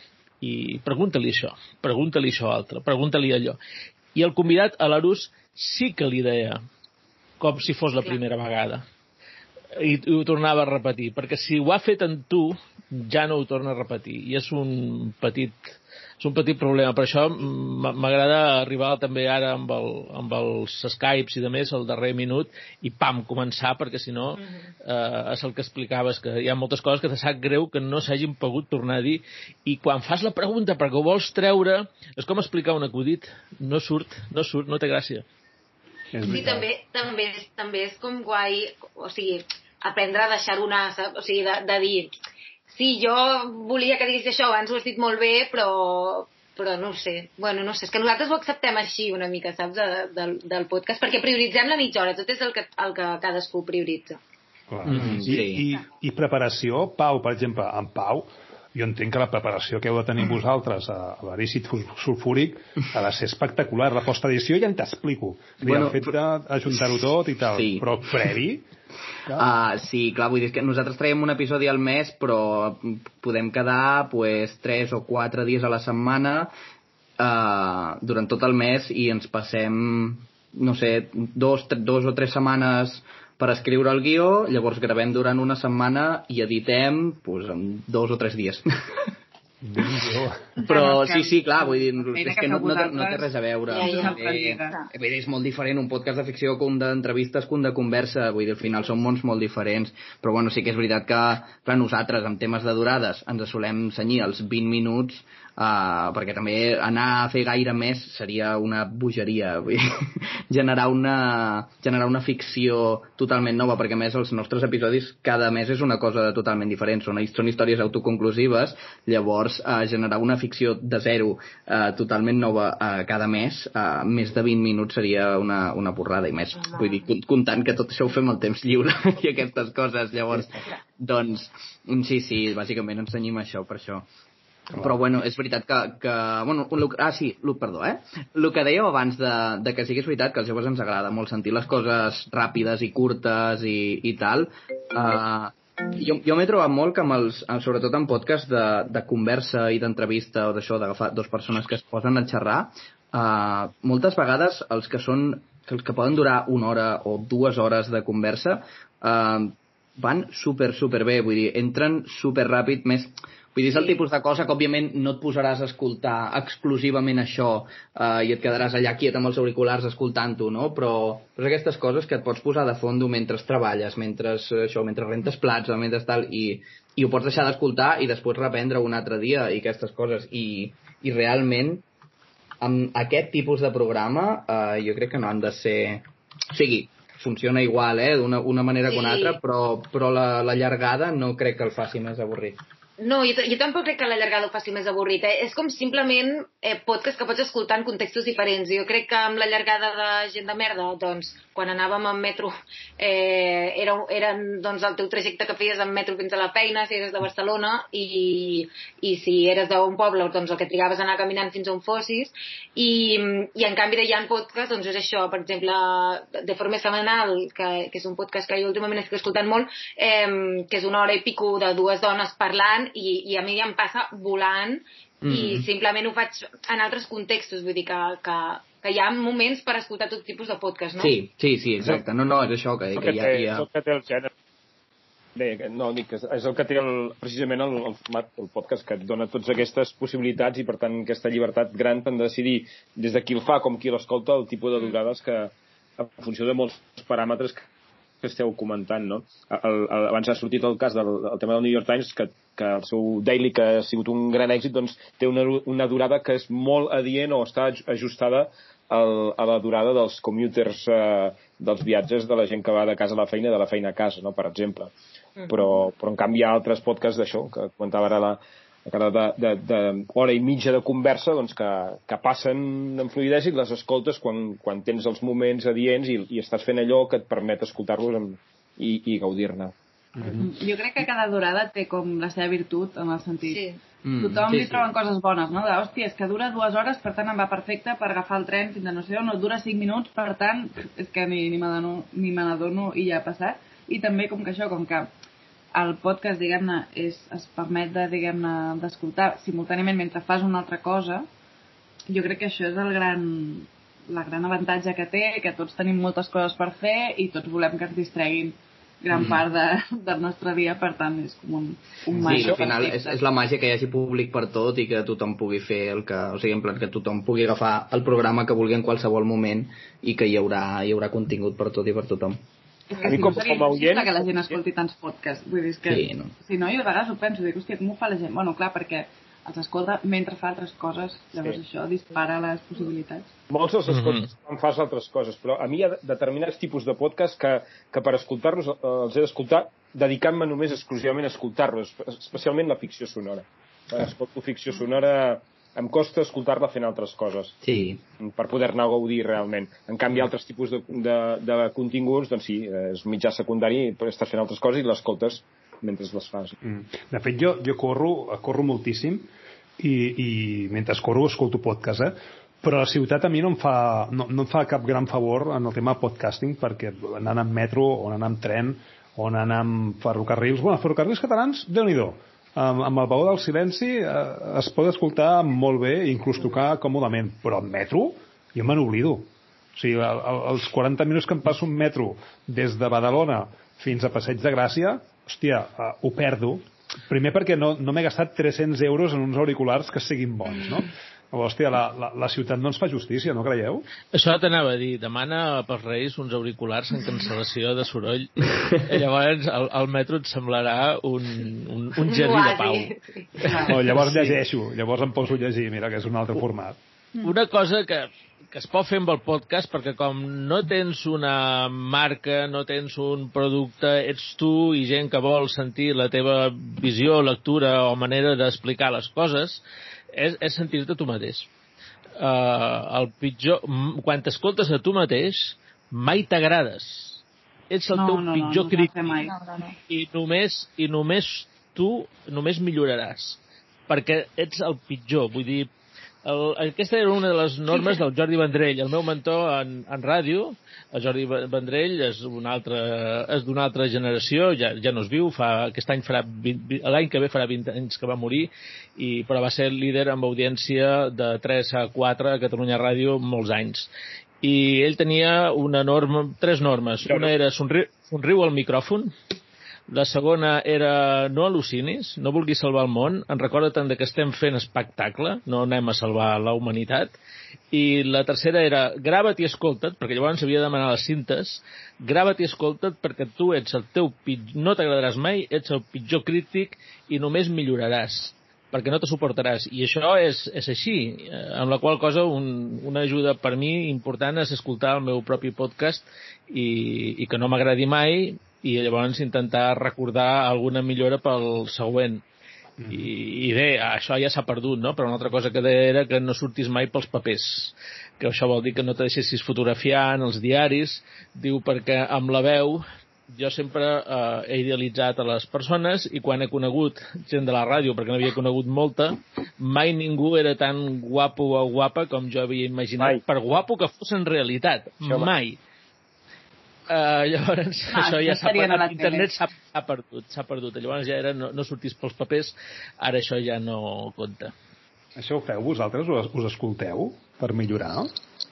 Jo sí, però crec que no per millorar. I és que, eh, o sigui, jo m'escolto i, i ric, però perquè les persones amb qui faig el podcast són molt gracioses per mi. Llavors, mm, jo escolto gent de merda per assegurar-me de que no hi hagi cap error, perquè, no sé, que no hagi sortit alguna malament, però m'agrada molt escoltar-ho i m'ho passo molt bé sentint els comentaris de torn.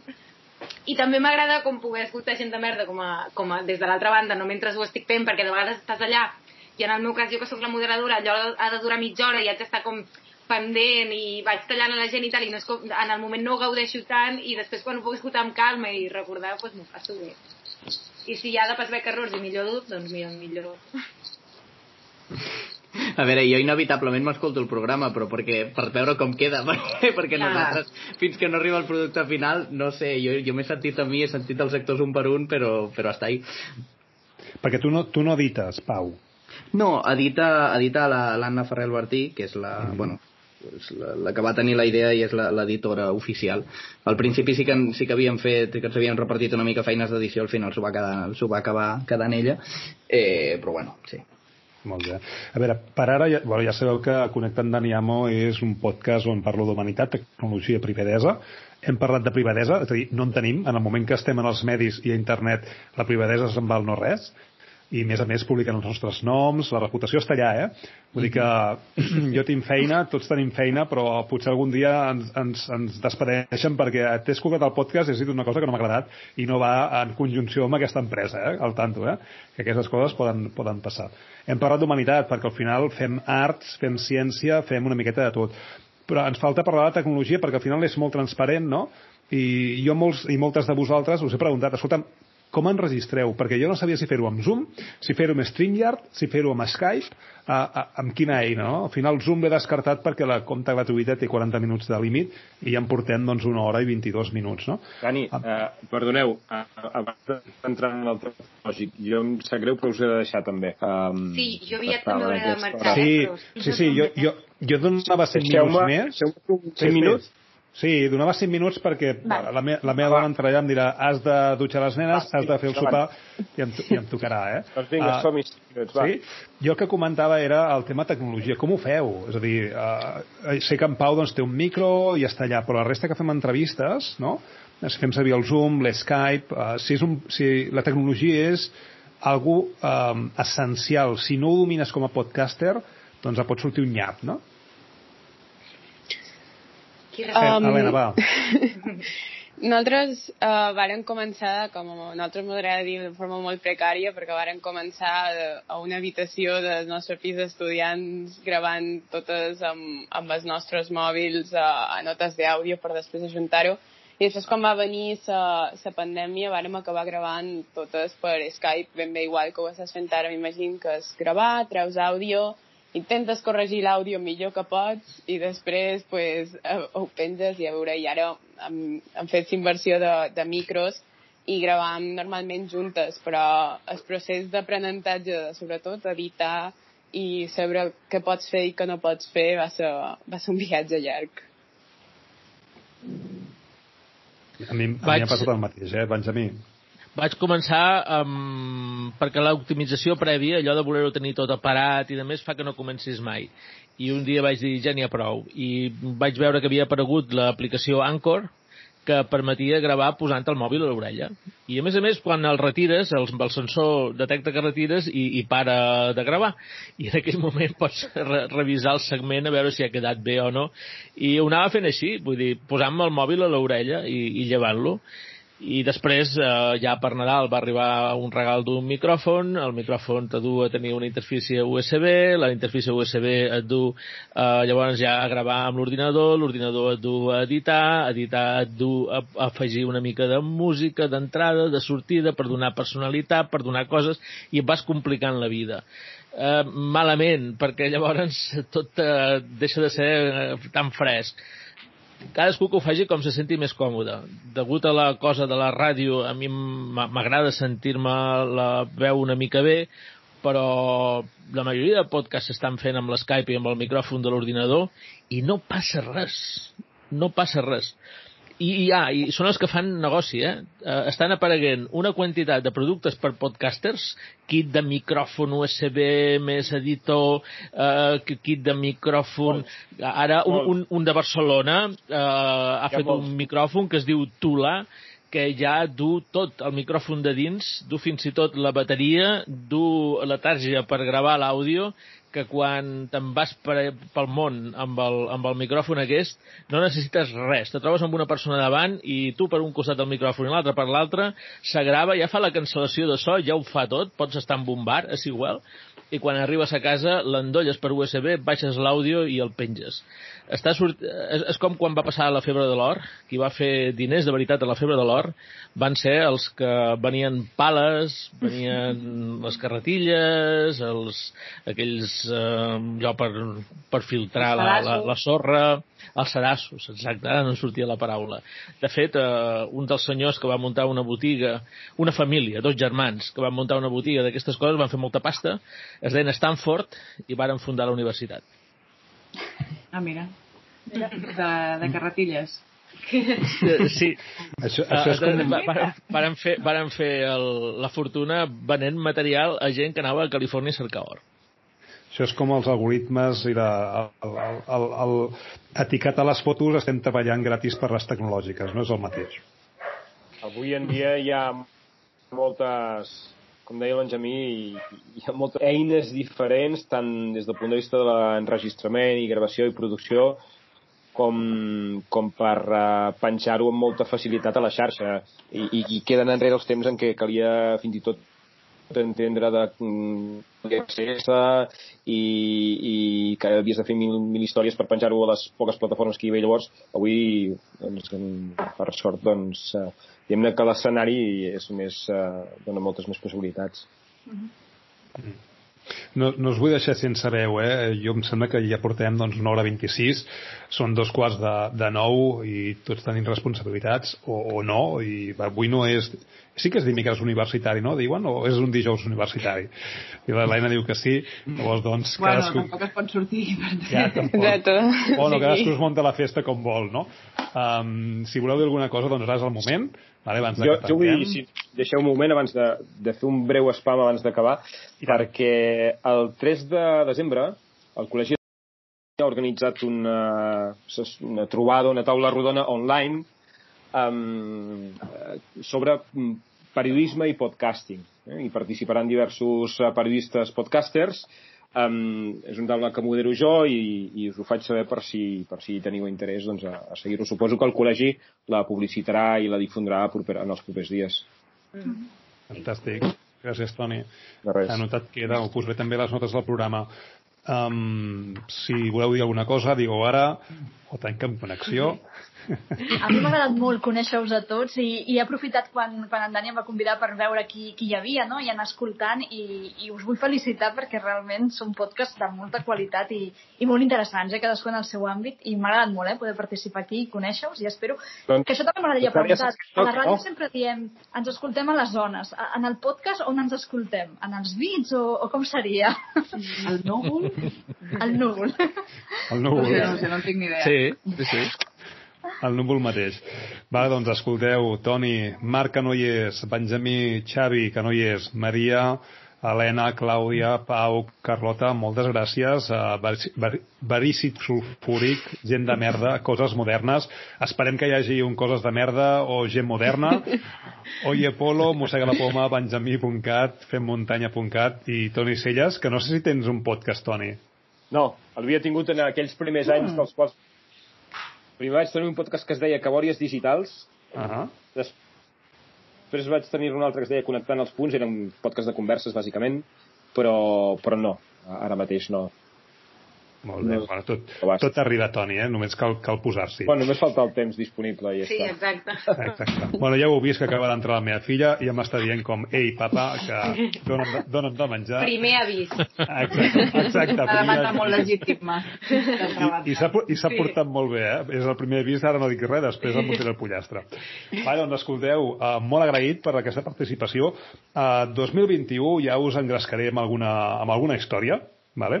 Tinc, tinc al cap una mania de fer com 12 hores o 24 hores de podcasting, ja, ja, ja, ja us diré alguna història, si us ve de gust, participeu, i, i si no, no. Vale? Uh, ens veiem a la xarxa, seguim en contacte. I, Moltes gràcies. Sí. A vosaltres. Gràcies. Merci. Adéu a tothom. Que vagi gràcies. Adéu. Adéu. Adéu.